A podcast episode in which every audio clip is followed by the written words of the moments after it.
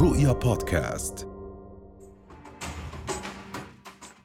نواصل وإياكم هذه التغطية من رؤيا وأنتقل مباشرة إلى خان يونس في قطاع غزة ومعنا من هناك مباشرة مراسلنا غازي العلول. غازي مساء الخير آخر التطورات لديك وما يحدث داخل قطاع غزة وتحديدا نبأ المجند الذي يبدو أنه على ما يبدو غير صحيح.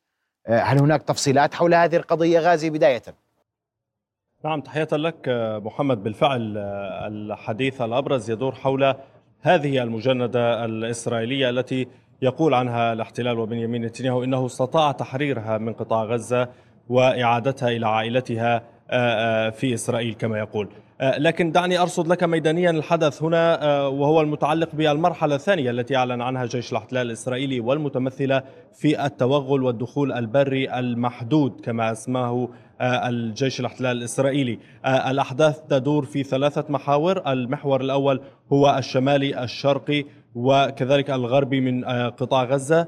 هناك اشتباكات دائرة على خلال اليوم واستمرارا لما حدث في الأيام الماضية. استطاعت المقاومة بالأمس عملية أو إنجاح عملية إنزال خلف خطوط العدو وتمكنت من تدمير دبابات وقتل عدد كبير من جنود الاحتلال. أيضا في الشرق من مدينة غزة هناك أحداث متسارعة فيما يتعلق بالاشتباكات الدائرة هناك بعد توغل محدود أيضا لآليات الاحتلال. ولكن يبقى الحدث الأبرز هو دخول ووصول قوات الاحتلال وأتحدث هنا عن دبابة وجرافة وصلوا إلى صلاح الدين وهو الشارع الرئيسي من مدينة غزة. وإلى الجنوب منها على وجه التحديد وهي المنطقة الأضعف سواء على المستوى الأمني أو العسكري في القطاع. ولم تمكث إلا بضع دقائق وعادت مجددا بعد أن كانت قد استهدفت سيارتين مدنيتين. على أي حال في الساعات الأخيرة لا حديث يدور سوى حول المجندة التي يدعي الاحتلال أنه حررها. معي هنا الدكتور حسن لافي الخبير في الشأن الإسرائيلي. بداية دكتور أهلا بك معنا. كيف تقرأ المشهد وكيف تفهم هذه المراوغة من جانب الاحتلال الإسرائيلي؟ يعني أنا أعتقد أن إسرائيل يعني عندما أعلنت أنها استطاعت من خلال العملية البرية تحرير أحد الأسرى الأسيرات لدى المقاومة أنا أعتقد أن هذه تضع علامات استفهام كبيرة على على صدق اولا الرواية.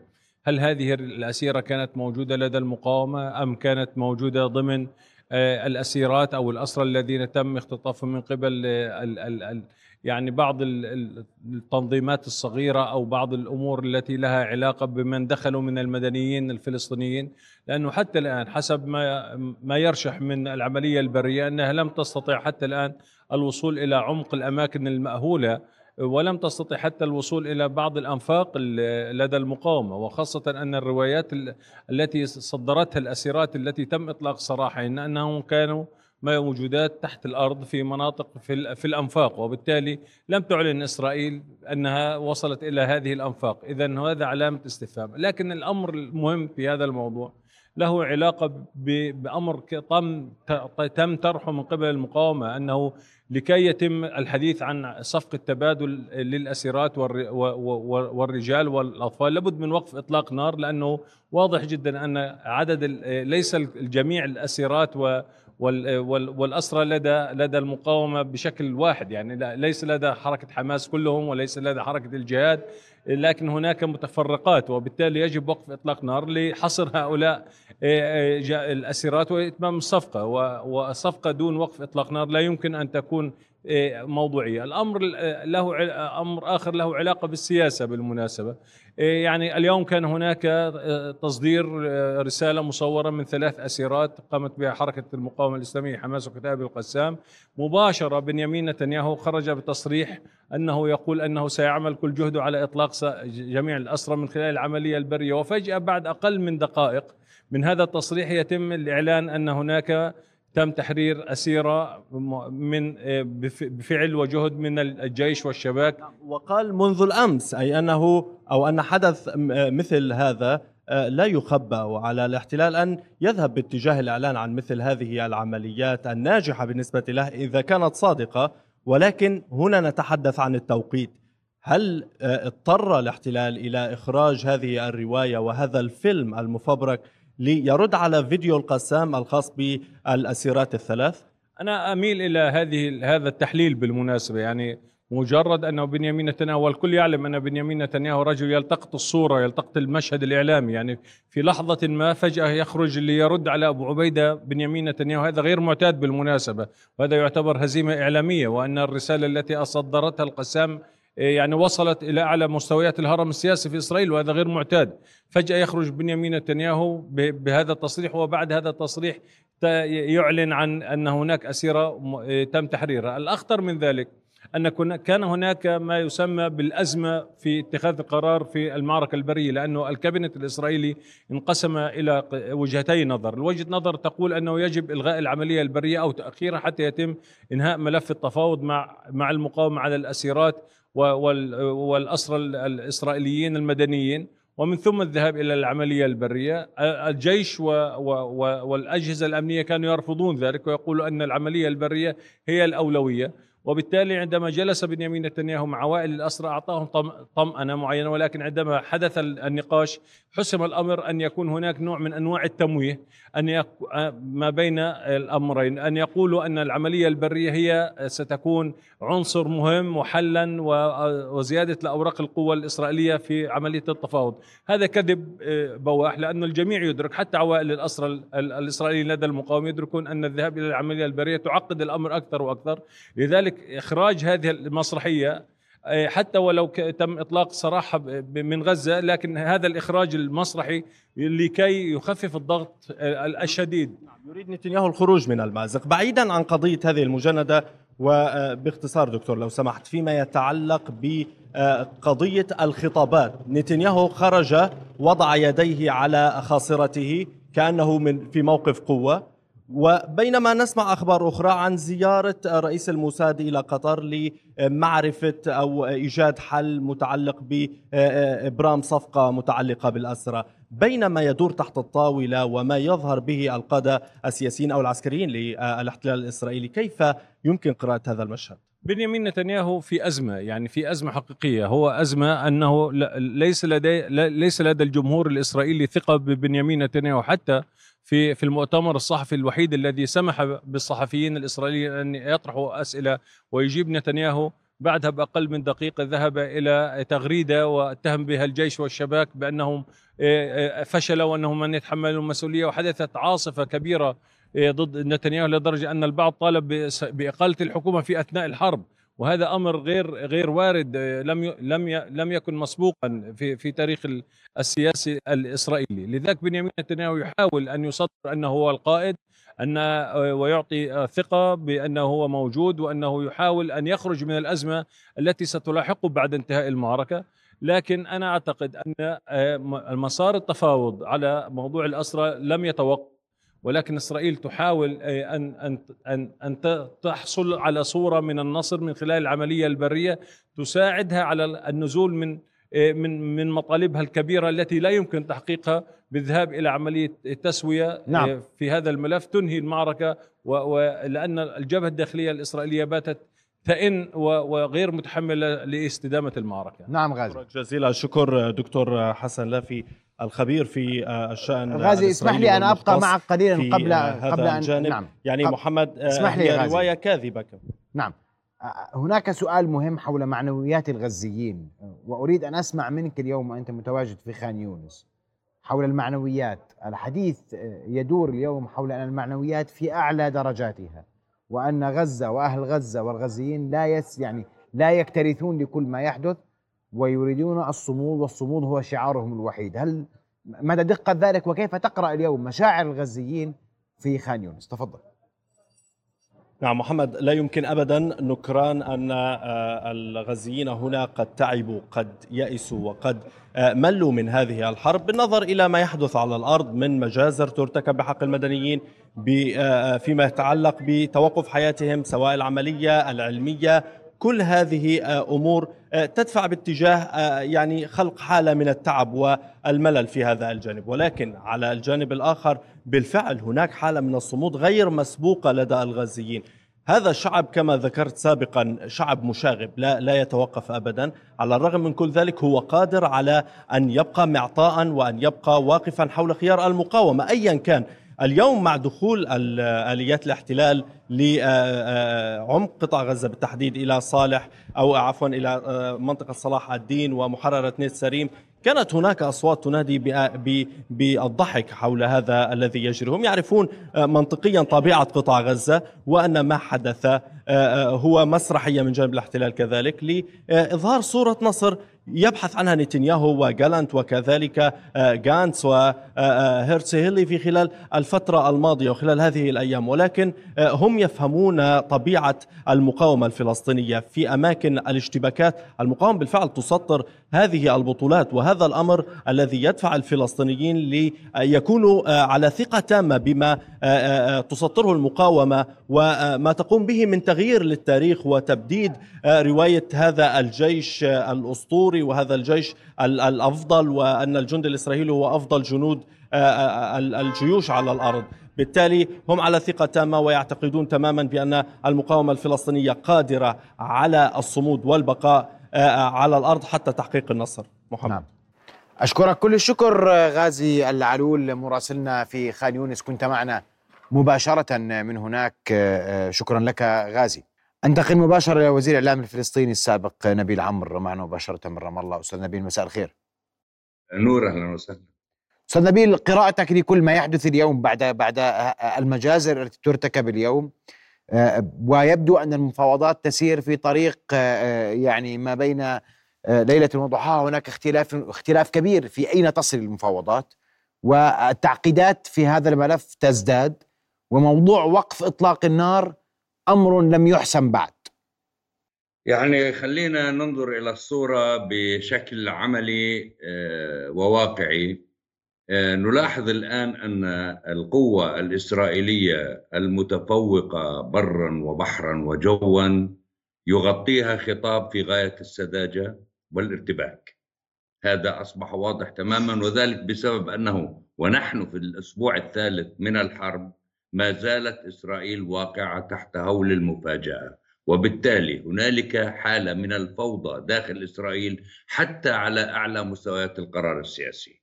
هذه مسألة أصبحت واضحة للجميع. انقسامات كثيرة داخل المؤسسة مؤسسة القرار في إسرائيل. وسبب ذلك أن الكل يبحث عن مخرج ذاتي له. مثلا نتنياهو الآن هو في معركة إخراج مغادرته الحتميه للمشهد السياسي. ونتنياهو عنده عقده أنه يستطيع باللغة وبالبلاغة أن يحل كل القضايا ولكن هذه المرة الأمور مش ظابطة معه. حقيقة إنه منظره مزري إلى أبعد مدى. مش نتنياهو الساحر والملك الذي تعودنا أن يقف أمام العالم كله وكأنه يخاطب رعاياه في كل مكان. بما في ذلك أيام الكونغرس عندما كان يصفق له وقوفا 30 و40 مرة. نعم. المشهد الآن في مقاومة يعني في منتهى الغرابة العالم مشدوه إنه طيب هذه غزة كلها 360 كيلومتر.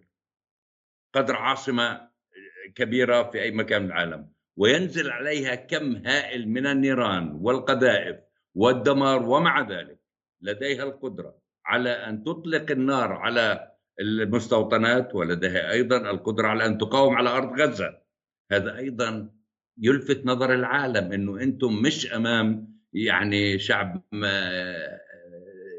يعني لا يستطيع أن يدافع عن نفسه بالعكس. وبالتالي الآن يتطور المشهد حتى على الصعيد الخارجي لمصلحة التعاطف مع غزة.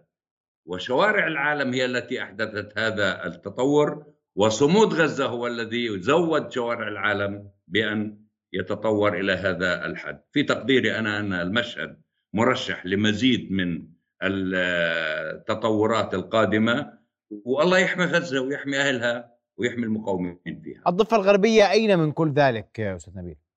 يا صديقي العزيز الضفة الغربية حمت أو جذبت انتباه واهتمام الجيش الإسرائيلي سنوات طويلة. الضفة الغربية وتذكر قبل العملية الأخيرة عملية السابع من أكتوبر كانت هي ميدان المعركة. الجيش الإسرائيلي كله كان يتفرغ للضفة الغربية تقطيعا وأيضا مش لحاله مع المستوطنين وتذكرون جيدا أنهم كانوا يرسلون جيش بكامل إلى مخيم جنين ويرسلون جيش بكامله إلى نابلس إلى مسافر يبطة إلى كل مكان كان تظهر فيه المقاومة الفلسطينية. بتتذكروا قصة عرين الأسود؟ كتيبة آه، مش عارف يعني بس أصبح الإنسان ناسي تقريبا التسميات ولكن شباب بمبادرات معينة كانوا يستقطبون الجيش الإسرائيلي كله، الجيش الإسرائيلي كان في الضفة وحتى الآن حتى الآن الجيش الإسرائيلي موجود بكثافة عالية في الضفة يقطع أوصالها يتضامن مع المستوطنين ضد الفلسطينيين ومع ذلك الضفة صامدة، الضفة هي بيت القصيد يا أخي العزيز، يعني نعم غزة هي أرض البطولة والتصدي المعجز ولكن الهدف هون في في في غزة في الضفة الهدف في القدس الهدف في إخضاع الفلسطينيين عموما. وأنت تعلم أن الفلسطينيين الموجودين في الضفة هم زبدة وعصارة الشعب الفلسطيني في العالم مع أشقائهم في غزة. اذا الضفة الآن في حالة مقاومة وهي لن ترفع الراية البيضاء. حقيقة أنا راضي تماما عن أداء الضفة في هذه الحرب أداء جدي آه، تستقطب الجيش الإسرائيلي وتلهيه عن غزة بنسبة عالية وأيضا في صمود في وجه المستوطنين المنفلتين بلا أي ضوابط مسلحين ومحميين من الجيش ومع ذلك أهل الضفة صامدين وكونوا مطمئنين إلى أن أهلكم وإخوانكم في الضفة عند حسن ظنكم. الحديث أيضا عن ال عن عن ال ال ال الإقليم ومن يمكن له أن يتدخل في هذه المعركة آه، في غزة برأيك هل الاقليم هل هل المعركة حاليا مرشحة لأن تصبح معركة معركة أوسع وأن يتسع البكار وأن تصبح أكثر إقليمية يعني الآن في جهد أمريكي ملح أن لا تتوسع. نعم. لأنه الأمريكان مش جاهزين لحرب على مستوى الإقليم. آه لذلك هنالك سيطرة حتى الآن محكمة على مجريات القتال على الجبهة الشمالية. عمليات محدودة للغاية. رد إسرائيلي أيضا محدود رغم أنه في بعض الحالات يتجاوز إلى الذهاب إلى مطار حلب ومطار دمشق وأهداف عسكرية داخل سوريا إلا أنه بظل هذا الوضع. حتى الآن خلينا أقول مسيطر عليه للتركيز على غزة وعلى الأهداف الكبرى التي أعلنها الإسرائيليون بدعم أمريكي فيما يتعلق بغزة. وأعتقد أنهم ورطوا حالهم بأهداف مستحيلة مثل الاجتثاث حماس من جذورها وتغيير الخرائط وتغيير المجتمعات وتغيير كأنهم يستطيعون على ورقة وقلم أن يغيروا الواقع القائم الآن. اتساع نطاق المعارك لتشمل الإقليم أعتقد أن هذا بدأ يزداد صعوبة لأن أمريكا ما جابتش حاملات الطائرات مشان غزة يعني خلينا نكون عمليين هي جابتها مشان احتمالات التوسع لحرب إقليمية وهو مسيطر عليها ولم يعد أصلا في مصلحة أحد. أن تتطور الأمور إلى حرب إقليمية لأن هذا يعني أن كثير من المدن ستطبع غزة رقم اثنين وهذا في غير مصلحة المنطقة. الأصح الآن أن هذه المعركة المحصورة في آه، الضفة حصارا وتمزيقا وفي غزة قتالا وصب نيران وفي الإقليم آه، بتراشقات محدودة هذه في نهاية المطاف أعطت العالم درس.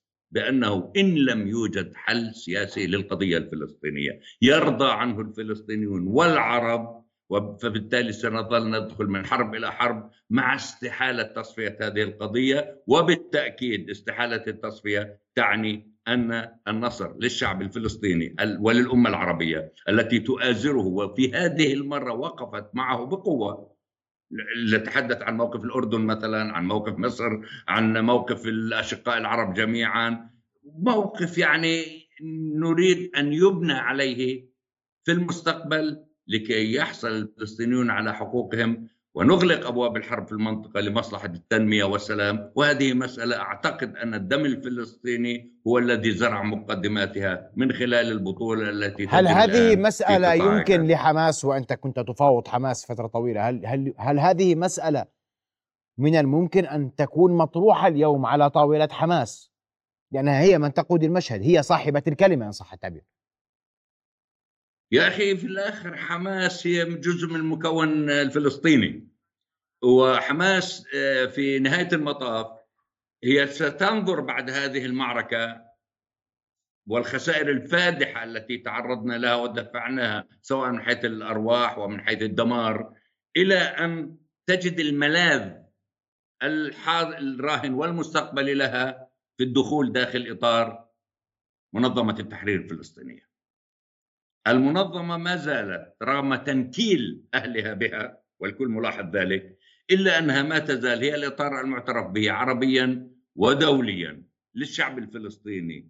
تأخرت حماس كثيرا في دخول منظمة التحرير، بالتالي من الآن وبعد هذه الموقعة يجب أن تبلور صيغة تكون فيها حماس والفصائل والمستقلين وكافة فعاليات الشعب الفلسطيني في حالة وحدوية لأن ما هو قادم سواء ذهبنا إلى عملية سلام أو إلى الحفاظ على ما تبقى من من من من حقوق الشعب الفلسطيني وهي أساسية في حياته نحتاج إلى وضع داخلي متين والوضع الداخلي المتين يتطلب أن تكون حماس وسائر القوى الفلسطينية السياسية والاجتماعية على قلب رجل واحد داخل مؤسسة واحدة وأعتقد أن هذا هو المهمة الأولى لما سيأتي بعد الحرب.